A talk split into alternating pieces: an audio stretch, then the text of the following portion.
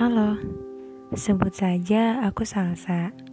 Tadinya, aku ingin beri nama podcast ini dengan nama Igawan Salsa. Tapi agaknya aku sedang tidak mengigau. Kemudian, ingin lagi kuberi nama kata Puan. Tapi sepertinya sudah sering didengar dan terlalu pilu di telingamu. Alhasil, tetap pada jati diriku. Salah satu, dua, tiga. Iya, dia yang suka bersuara di Instagram dengan nasihat yang hanya sebagai pengingat bagi dirinya sendiri.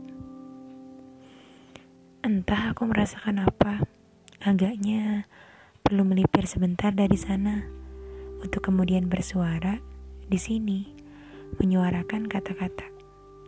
Aku mencintai kata-kata, apalagi jika kata-kata itu keluar dari laman status WhatsAppmu. Meski entah untuk siapa, tapi mari bersama-sama merayakan kata-kata.